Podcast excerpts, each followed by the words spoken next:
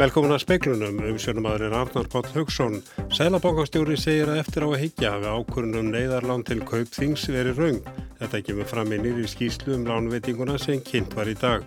Svo gölluð upplýsingar öskun og samfélagsmiðlar gera það verkum að meiri sundrung verður í samfélaginum.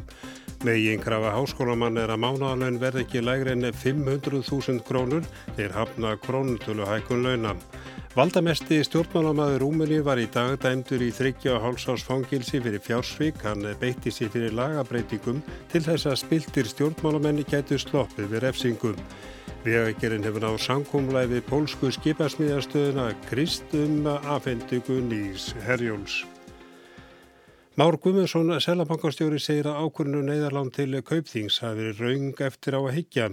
Engin skrifleg gögn eru til um lánsbeini frá kaupþingi og skortur á gögnum gerir erfitt að staðfesta hvaða sjónað með lága baki lánveitingunni. Sæðlabankin veitti kaupþingi 500 miljón efra þrautavara lán um 75 miljardar króna sama dag og neyðarlögin voru sett árið 2008. Lánið var stór hluti af gjalderi svaraforða landsins og var veitt gegn veði í danska FH bankanum sem þá var í eigu kaupþings. Geir á Horti þáverandi fósatisráþura og Davíð Ottsson þáverandi selabankastjóri rættu lánvendinguna í símtali sem síðar var gert ofinbert. Þar kom meðal annars fram að Davíð taldi að láni væri tapað áður en það var veitt formlega.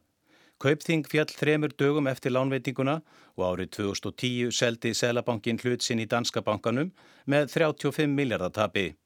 Már Guðmundsson, Selabankastjóri, segi ljóst að ákvörðunum lánveitinguna hafi verið tekin að bankastjórn að höfðu samráði við þáverandi fósatisráðra.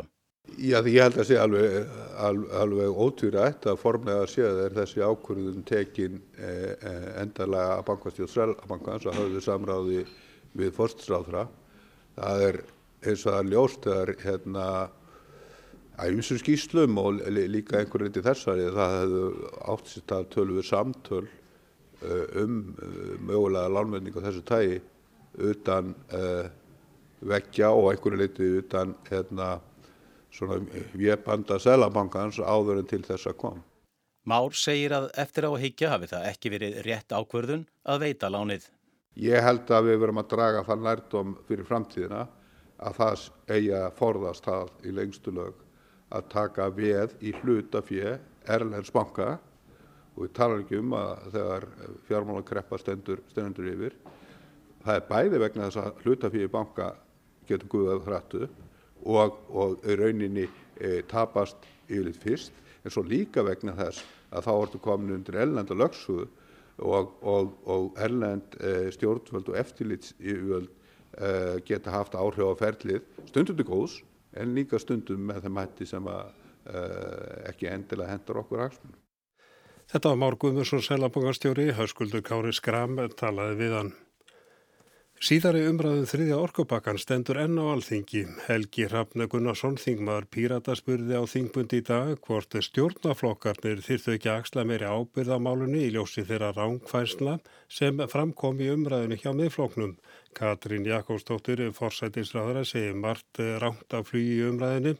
Starindir sé að orkupakkin fel ekki sér afsal yfir orkumálum eða lagningursæstring sem hún vonar að kom ekki til. Það sem ég er alltaf að spyrja hæstvirtan ráðherra var hvort það sé ekki komin tími til þess að ríkistjórnin fara að verja þetta mál og hætti að skilja það eftir handa okkur hinnum sem ekki, er, ber ekki ábyrða á þessu máli, hafa enga sérstaklega pólitíska aðra hagsmuna af því að það færi gegn hér á þessu vori og við sem, að, sem er einfallega illa við ósannendin og bábílunar sem fá flakka hérna og bregðumst við af þeim sökum fyrst og fremst. Ég er sammála háttvirtu þingmanni um það Þriðji orkupakkan felur ekki í sér afsal yfir orkuauðlindum Íslendinga. Hann felur ekki í sér afsal yfir orkufyrirtækjum Íslendinga.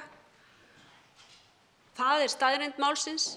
Hún hefur ekki verið hrakin. Hann felur ekki í sér kvöðum það að hinga skuli lagður sæstrengur. Það er ákvörðun alþingis ef til þess nokkur sinni kemur, sem ég von ekki. Ég skil vel ángist háttvirð þingmanns yfir því að það er margt rámt, margt rámt á flugi umræðum þessi mál. Er, ég er sammála háturtum þingmannum það.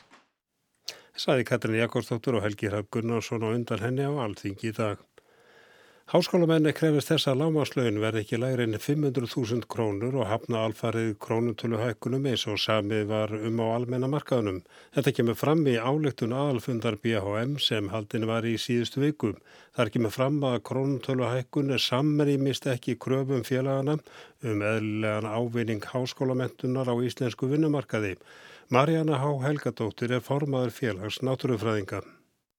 Okkar megin krafa er að, að að lámars laun háskólamestara sé ekki, ekki lagri en 500.000 og þetta er búið það sem við, var óskarstaðan okkar í síðustu viðræðan þegar við varum að semja við ríkið á sínum tíma, núna síðast í februar 2018. Þannig í raunum veru hefur svo krafið en við ekkert byrjum verið breyst.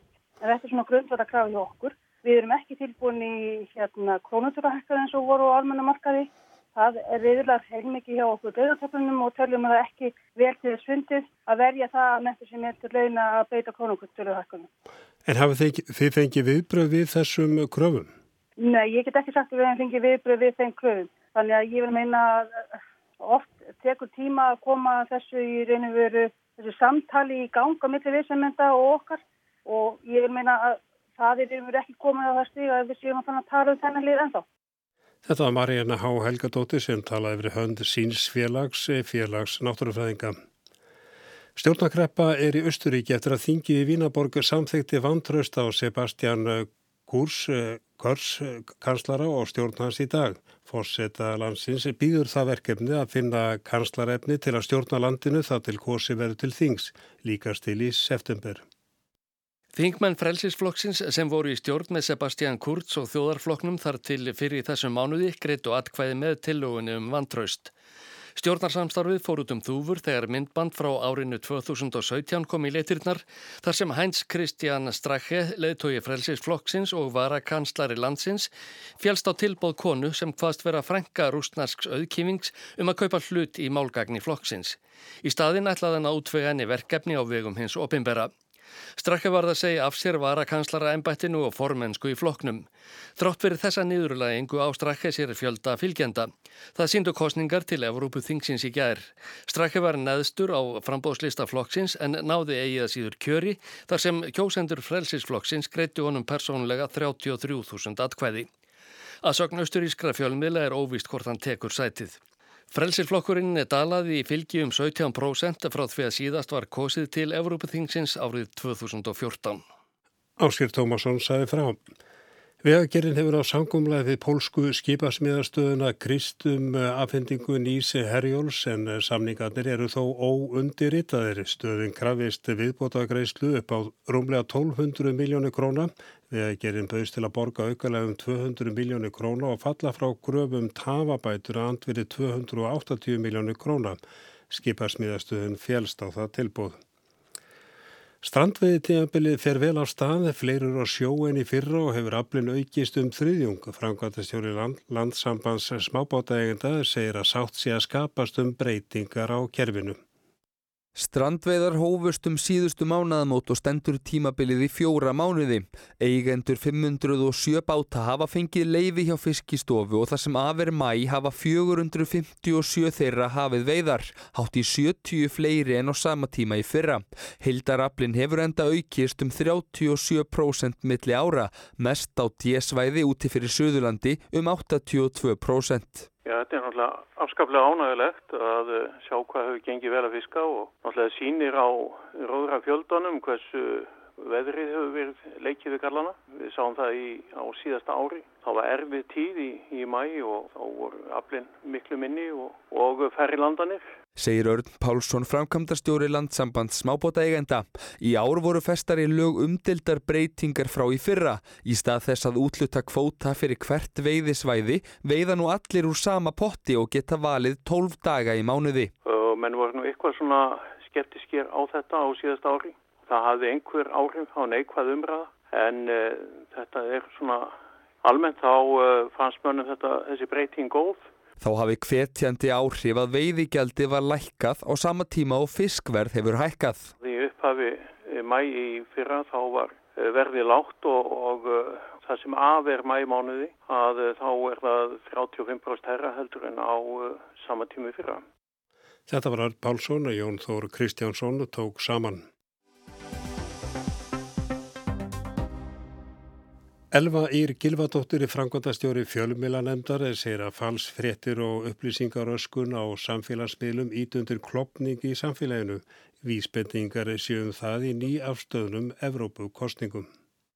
Sagt var frá því í speklunum í síðustu viku að fyrirtæki sem sérhæfir sig í markaðsetningu á netinu hafi afhjúpað 500 gerfi síður á Facebook sem notaðar voru til að breyð út falskar fréttir og haturs orðræðu hægri öfgamanna í Evrópu. Markmiðið með þeim var að hafa áhrif á kostningarnar til Evrópuþingsins. Meir en 500 miljardar flettinga voru á síðunum áður en þær voru teknar niður og þær hafðu breytt út falskar upplýsingar og bóðskap í fjölda ára. Niðurstöður þingkostningarna í Evrópu sína að valda hlutföll þar eru að breytast. Miðjuflokkar töpuðu tölverðum fjölda þingsæta, þjóðerni sinnar og populistar bættu annars vega við sig og umhverjusvendar sinnar hins vegar. Elva Ír segir að mikil umræða hafi verið um hugsanleg áhrif upplýsingaröskunar eða upplýsingamengunar í aðdraganda Evrópukostningana. Ég held að það sé svolítið erfitt að segja til um það svona strax og eftir eh, hvernig þetta hefur litast. Það sem við vitum hins vegar er það að um, svona upplýsingaröskun eða þegar það verið að reyna að hafa áhrif með, með raungum upplýsingum á, á kjósendur þá virkar það ekki þannig að fólk skiptum skoðun og fara að kjósa einhvern annan flokk. Það virkar þá frekar þannig að það sé þá verið að reyna að koma veg fyrir það að einhver ákveðnir hópar kjósi. Það verist ekki vera niðurstaðan núna vegna þess að kostningaþáttakan er eins og eða er svo mesta í 20 ár í þessum þingkostningum. En það sem við veitum líka að eh, svona upplýsingaröskun gerir það er það að henn er ætlað að auka klopning meðal fólks í samfélaginu og, og líka það að minga tröst almennings á samfélagslegum stopnunum samfél e, og, og réttaríkinu og e, þar náttúrulega vitum ekki og sjáum kannski ekki bara fyrir síðar e, hvort að, að þessi svona, þessar herrferðir sem áttu sér stað hafi þau áhrif. En eru ekki ymmit vísbendingar um það með niðurstöðunum að það sé svona aukinn klopningur í samfélaginu? Svona fyrstu niðurstöður verðast benda til þess, ég menna meðjuflokkarnir eru að, að, að e, fengu miklu verri kostningu en, en svona e, og það er það sem við veitum að upplýsingaröskun og, og og veru bara samfélagsmiðlar gera það að verkum að það verður meiri polarisering í samfélaginu. Eh, þannig að, að það sem að við erum kannski búin að vera að sjá í bandaríkjunum verðist þó líka vera að hafa þessi sömu áhrif í Evrópu. Elva segir að fyrir kostningarnar til Evrópuþingsins hafi Evrópusambandið gefið út leiðbeiningar um hvernig hægt væri að spórna gegn falsfréttum og upplýsinga óreiðu. Til dæmis voru ríki kvött til að leggja meiri fjármunni í tæki og tól til greiningar á því hvernig rángar upplýsingar dreifast. Í öðru lægi að finna út hvaða notendarekningar væri notaðir til að dreifa fölskum upplýsingum Ebla þurfi miðlalæsi fyrir alla aldurshópa og í fjórðalægi að rekja kaupendur á pólitískum auglýsingum. Nýransókn sem sísturstofnun fjölmiðlanemdar í Noregi létt gera sínir að ekki síst þurfi að ebla miðlalæsi hjá fólki 60 ára og eldra. Það kannski skorti svolítið á það að, eh, að, að fólk gerir sér grein fyrir því hvaðan þessar upplýsingar eru að koma. Eh, hverju stið stata á bakvið þetta, eh, er þetta réttar upplýsingar sem einhver annar eh, fjölmiðl eða, eh, hérna, eða miðl hefur verið að, að eh, dreifa eh, eða sérst miðla og svo framvegs og líka í raun og veru kannski svona þessi munur á milli þess hvað er eittstjórnarefni og, og svona já, einhvers konar svona auglýsing. Elva Ír segir að Íslendingar fylgist vel með því sem er að gerast og taki þátt í bæði evrópsku og norrænu samstarfi á þessu sviði. Það er ímestlega sem bendir til þess til dæmis núna í þessum kostningum til Evrópuþingsins að e, það hefur svona frekar verið að reyna að þetta hefur kannski verið svona meiri vandamál í stærri ríkjónum heldur en þeim minni. Allavega svona það sem að ég allavega var að skoða í, í, í morgun. Og e, þannig að, að e, svona Til dæmis það að, að, að skoða svona teknilar útfæslunum það bara hvernig upplýsingar dreifast og svo framvegs e, ætti náttúrulega að vera hægt að gera e, svona með tiltölu auðveldara hætti í litlu samfélagi eins og Íslandi heldur en til dæmis í þessum stóru ríkjum Evrópu. Og þá að Európu kostningunum kjósundur einhverjum ung fólk í Breitlandi hafnar báðum stóru flokkonum í Európu kostningunum. Brexit-flokkurinn Nigel Farage sópar til sín fylgi UKIP flokksins sem hann yfirgaf. Bæði frjálsliði demokrater og græningjar hans nún er útgöngu breytt úr Európusambandinu stór jöku fylgisitt, kjörsókn jóst og vænt en ekki síst vegna áhuga ungra kjósenda. Allt þetta mun óhjákvæmilega hafa áhrif á hver verður næsti leitu í íhalsflósins og pólitísku framvinduna almennt. Verstu kostningaúrslitt íhalsflóksins nokkru sinni. Þannig er útkoman úr Evropaþínkostningunum sem Theresa May, bráðum fyrrum fórsætsráðara, vildi ekki halda. Flokkurinn korkis á stærsti nýja nærstærsti heldur sá 50 með aðeins 9% fylgi, 15% stegum minna en síðast. Vissulega þetta er ekki þingkostningar og leiðtóinu útleið en svo hræmuleg útkoma skekur þá flokksfóristuna. Þingmenn flokksins, hvort sem þeir eru með á móti brexit, eru flestir á því að skýringin sé að mei mistókst að koma brettum úr Evropasambandinu. Fyrri kjósendur flokksins hafi nú kosið brexitflokkin. Það skiptir ekki alveg miklu máli nú og fyrir helgi að Theresa May týst í morgun að úrslitin væru mikil vonbreyði en sæðist vona að þingið herti sig og semdi nú um brexit. Verkamannafloknum farnaðist heldur betur með 14% atkvæða en afspyrnuslagt eftir nýju ár í stjórnarnanstöðu. Misti fórustun í London beði afhróði í Skotlandi. Jeremy Corbyn, leðtöðflokksins, er nú gaggrindur í eigin ranni fyrir það sem kallast uppbyggileg óklárheit að reyna að tjónka við bæði þá sem eru með og á móti Brexit. Strax og glitti í úrslitin var Emily Thornberry, utaríkisráð þeirra efni flokksins, ekkert að skafa af því. Nú þegar stemdi í nýjan leðtuga íhasflokksins sem stitti vísast útgöngu án samnings er þið stefna hennarflokks að vera skýr. Slík útganga væri algjörskjálfing næra berjast fyrir annari þjóðratkvæðgreðslu og þá áframhaldandi ESB aðild. Jeremy Corbyn endur tók hins vegar í morgun fyrir orðum að það er þið hlustað á alla í flokknum. Þarna stefnir ljóslega í uppgjörum Brexit-stefnuna með tíð og tíma. Það var tákgrænt fyrir uppsveiflu frjálslinda demokrataflokksins að sigra í kjördæmum leðtoga stóru flokkana tveggja og miklu víðar fjekk 20% atkvæða. Ed Veisi fyrir um ráð þeirra flokksinn sæði þetta í fyrsta skipti sem flokkurinn hefði betur en báðir stóru flokkarnir í almennum kostningum. Í fóristu gegn útgöngu væri flokkurinn út tilbúin að halda þeirri baráttu áfram. Græningum gekk vel náðu 12%. Í viðbót við umhverjusmál steyðja þeir áframhaldandi ESB aðild breyta. Ímsir nikja á því að þó Brexit-flokkur Nigel Farage sé í fyrsta sæti með rúmlega 30% þá síni samalögð útkoma and brexit-flokka af fleiri hafni en stiðji brexit. Það má deilum tölurnar en úrslitin sína það sem skoðanakannanir hafa sínt undanfarið, brexit sinnar hafi ekki lengur yfirhöndina. En hvort úrverður önnur þjóðratkvæðagreisla og þá hvenar er annað mál. Þó mun fleiri þingmenn en áður stiðji nú aðra atkvæðagreislu er tæplega meiri hluti fyrir henni í þinginu. Sigurvegarinn Farage er algjörlega ansnúin annari atkvæðagreyslu. Sigurinn sé því að þakka að ekkert hefur enn orðið úr Brexit og nú vil Farage vera með í Brexit-ráðum. Verði útganga ekki að veruleika fyrir 31. oktober muni kostningaúslutin nú verða endur tekin í næstu þingkostningum og flokkurinn alveg tilbúin.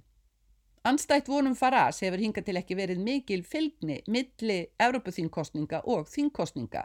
UKIP-flokknum var þannig lítið úr bestu Evrópuþingkostningaúrslitum sínum nokkru sinni 2014, þá undir fórustu Farage. Í komandi leðtókjöri íhalsflokksins eru úrslitt kostningana einn áhrifavaldurinn. Óbreyttir flokksmenn stiði upp til hópa Brexit, ráði þeir úrslitum, gæti næsti leðtóki orðið harður Brexit sinni sem freystaði útgöngu án samnings. Nokkrir íhalsþingmenn hafa þegar sagt að þeir myndu stuðja vantraust í þinginu á eigin stjórn sem reyndist líkt. Leysist brexit-þrautin ekki haust, gætu vetrakostningar reynst óumflíjanlegar. Heldur áhyggjusamlega tilhugsun fyrir leðtoga gömlu fyrrum stóruflokkana tveggja og enn áhyggjusamlega að úsliti nú sína að ungir kjósendur verðast ábyrrandi áhuga samar um stjórnmál og ábyrrandi afhuga gömluflokkunum. Sigrún Davíðstóttir saði frá. Samkvæmt skoðanakonun sem samgöngufélagi gerði virðist meirulhutti fyrir því að innheimt veri gjald fyrir að aga á nagladekkjum. Í umferðalaga frumvarpið samgöngur á þeirra sem nú líkur fyrir alþingi er ekki hveð á um slíka innheimtum þó að það hafi verið gert í uppalugum draugum. Nagladekk eru kannski ekki ofalegi hugum margrað þegar sólinn skín að minnst okkursti hér sunnalands en nema eftir villi þeirra sem hafa fengið sekt 20.000 krónur á hvert dekk. Hins vegar eru Osloabúar árlega myndir á að tímið sé komið til að fá sér afsláttakort vegna nagladekja gjaldsins sem þar hefur verið við líði í 15 árið frá árnu 2005. Nagladekja tímabili þar er frá 1. november til 19. april. Hægt er að kaupa sér mið eða líkil sem gildir eða gilda í einn sólarhingi senn. Fyrir minni bíla er gjaldið rúmar 400 krónur fyrir sólarhingin og fyrir stærri bíla rétt yfir 1000 krónur á dag. Mánaðakort kostar um 6.500 krónur fyrir minni bíla og tæpar 13.000 krónur fyrir þá stærri. Lóks er hægt að kaupa kort fyrir allt tímabilið um 20.000 krónur fyrir fólksbíla og 40.000 krónur íslenskar fyrir stærri bíla. Réttar að taka fram að einungi sér innheimtu fyrir þá daga sem ekki er á nagladekjum innan tiltekina svæða og hægt er að fá endur greitt. Nagladekja gjald er líka innheimti í Stavanger, Bergen og Þrántheimi. Enís Ráf, verkefnistjóri hjá Osloarborg, segir að reynslan sé góða á nagladekja gjaldinu. Uh, og hvis jeg ser tallene, før det ble fastordning så var det 72 som kjørte i Oslo med piggfri. Men nå kjører jo 91 av biler i Oslo með piggfri dekk. Áður en gjaldi var sett á ógum 72% bílegenda og vetradekkjum ánagla en eftir gjaldtökuna er þessi tala komin upp í 91% segir Enís Ráf. Niðurstaðan sé hreitna loft og minni háaði. Hann segir að við að gerði meti stöðuna ár hvert 2008 hafi 83% 10% bíla verið á nagla svo þeim eh, fækkar stöðu sem aka á nagladekkjum. Normen virðast ekki vera með áformum að hætta gjaldtökunni og slú ákvaða að leggja á tímabundið nagladekkagjald og markmið var að ná því að um 80% bíla ækju á nagla. Gjaldi var sett á árið 2000 en árið áður síndu tölur að helmingur bíla væri á nagladekkjum. Eftir fyrsta árið með gjaldi ógu tæplega 70% án að naglam og næsta árið var þessi tala komin í tæp 80%. Gjaldi var felt niður vegna þess að tali var að markmiðinum hefði verið náð. Og það var það plutselig allt gikk ned. I 2002 så kjørte 68%, 2003 var det 71,6%. Þá fóru tölunar allt í einu aftur niður, segir Enís Ráf. 2002 ógu 68% ánagla og 2003 71% og svipað árið þar á eftir. Það var til þess að ákveði var að koma varalögu gjaldi sem hefur nú verið og áður segir í 15 ár yfir vetratíman. Innheimta nagladekja gjalda hefur verið til umræði hér á landi af og til í draugum að frumvarfi til umferðarlagan var gert ráð fyrir að bæjarfjölu gætu sjálf tekið ákvörnum innheimtum. Það ákveði hefur verið felt út úr frumvarpinu. Félag íslenska bifræðingenda leggst gegn því að byrja verða að leggja gjald á þá sem aga á nöglum. Það sé aðför að öryggi, betra sé að dragu notkun nagladekja með jákvæðari aðferðum.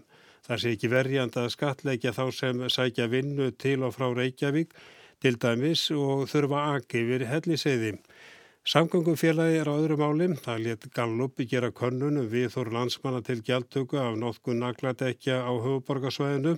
Munurinn á meilli þeirra sem eru hlindir og þeirra sem eru á móti er ekki íkja mikil þeirra litir á svör fólksa úr öllum landslutum. Það er 42% eru hlindgjaldtöku og það er 40% á móti. 18 á 100 eru korki með nýja á móti. Munurinn er meiri þegar kemur að íbúum á sjálfu höfuborgarsvæðinu. 46% eru hlindgjaldtökum og 38% á móti. Umferðalaga frumarpið var afgreitt úr nefndalþingis fyrir helgi og þar er ekki gert ráð fyrir nagladekka gjaldi. Tekið undur þau sjóna við að erfitt sé að skatleggja þá sem þurfa að sækja skóli eða vinna um langa veg og einni þykir óvarlegt að bílalegu bílar séu á nagla yfir vetratíman. Og þarna óg fram hjá strætum nagla, en í símanum er Jónas Guðmundsson hjá Samgöngufélaginu, kontur sæl. Já, nú er ljóst að það verður ekki lagt gjald á naglana eins og þú vildir, er það vonbreiði? Já, ég get ekki neyta því, ég við gætna vilja sjá einhverja heimil til sveitarfélagana til að geta lagt á gjald, það er ekki þar með sagt að þau myndu nýta sér hana til puls og alveg strax, þá myndi ég þróa þetta áfram en að, en að þau hefðu þessa heimilt, ég vildi sjá hana fara í gegn. En er raunhægt að banna nagla í öðru sveitafélum en í höfuborginni? Já, þetta var nú miða við höfuborgarsvæðið. Afalega, hugsunin var svo að horfa til þess. En uh, það er alls ekki raunhægt að, að banna nagladekk. Þau verða, menn verða að fá að nota þau ákvæm. En svona aðeins að reyna að draga úr því að menn notiði, já, ég lefi mér að segja, jafn ótæpilega og fyrir í dag. En eh, hvers vegna er þú eða þitt félag eh, með áhuga á þessu máli, þú ert fyrir vestan, eh, þar sem, eða hvað er ég að fara rangt með að það er nöðsynlt að nota nagla þar? Já, ég er nú ekki svo vissu um það og neldekka er nú alltaf að verða betri. Ég sé það í jargöngunum sem ég ferum hérna, því lík, já, líka að segja, sóðaskapur er af, er af dekkjónum en vissulega meiri þörf fyrir hér en fyrir sunnan. En það er nú aðalega þegar ég heyri fréttir af svo kallum gráun dögum þegar fólk er vara við að vera úti við þeir sem eru viðkvæmið í lungum vegna mengunar af ílagumferð og þá eru nagla dekkin hjarnan miklu sökutólkar í því. Félag Íslenska byrjaðegunda vil ekki setja gjald á naglana en talar um að beita einhverjum öðrum jákvæðum aðferðum til að draga úr naglanótkunni. E, það er áráður gegn því hefur hann ekki borið árangur? Það sýnist mér ekki. Þó að sé nú kannski ekki til nákvæma tölur um nótkun á dekkjónum að þá eru nú vísbendingar um að það sé alltaf helmingur ökkutækjaði á höfubakarsæðinu sem ekkur um á, á nöglum og að miða við reynslum sem voru þá verður það telja það allt of hátt hlutfall. En það vantar tölur um þetta? Já, það er nú kannski að rannsaka þetta allt betur en, en uh, við höfum normenn til að hérna, fá ráðgjöf hjá og, og með, fá þá til að miðla sinni reynslu. Þannig ég held að þetta ætti að geta verið tiltvölega einfalt. En, og vissulega þetta að vera nákvæmari tölur notkuruna. En rökin líka er þau að fólk sem að fer langt um uh, veg til, að, til vinnu eða í skóla að það þurfi að það sé óvarlegt að vera ekki á nöglum og, og líka uh, bílalegu bílarnir að útlendingar að keira að vetri til ekki á nöglum. Er það fórsvonlegt að vera á naglalösum bílum? Ég skal ekki segja.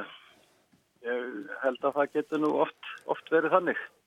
Og það má alveg hugsa sér undanfáur. Ég hef nefnt það að þeir sem búa utan hlusiðar norðan Voltafæða heiðar, þeir getur kannski verið undanþegnir gældunni þegar þeir koma til höfuborgarinnar. Þetta er allt gert til að reyna að, að minka þess að sem ég til óþarfa nótkunn. Jónas Guðmursson hjá Sangungufélaginu, statur og Ísafyrði, síslum að þar þakkaði kjallaði fyrir við komumst í lengra. En það var helst í speiklunum í kvöld að Selabankastjóri segir að eftir á heikja hafi ákvörnum neyðar lán til kaup þings verið raung. Þetta kemur fram í nýri skýslum lánveitingu sem var kynnt í dag lánveitinguna.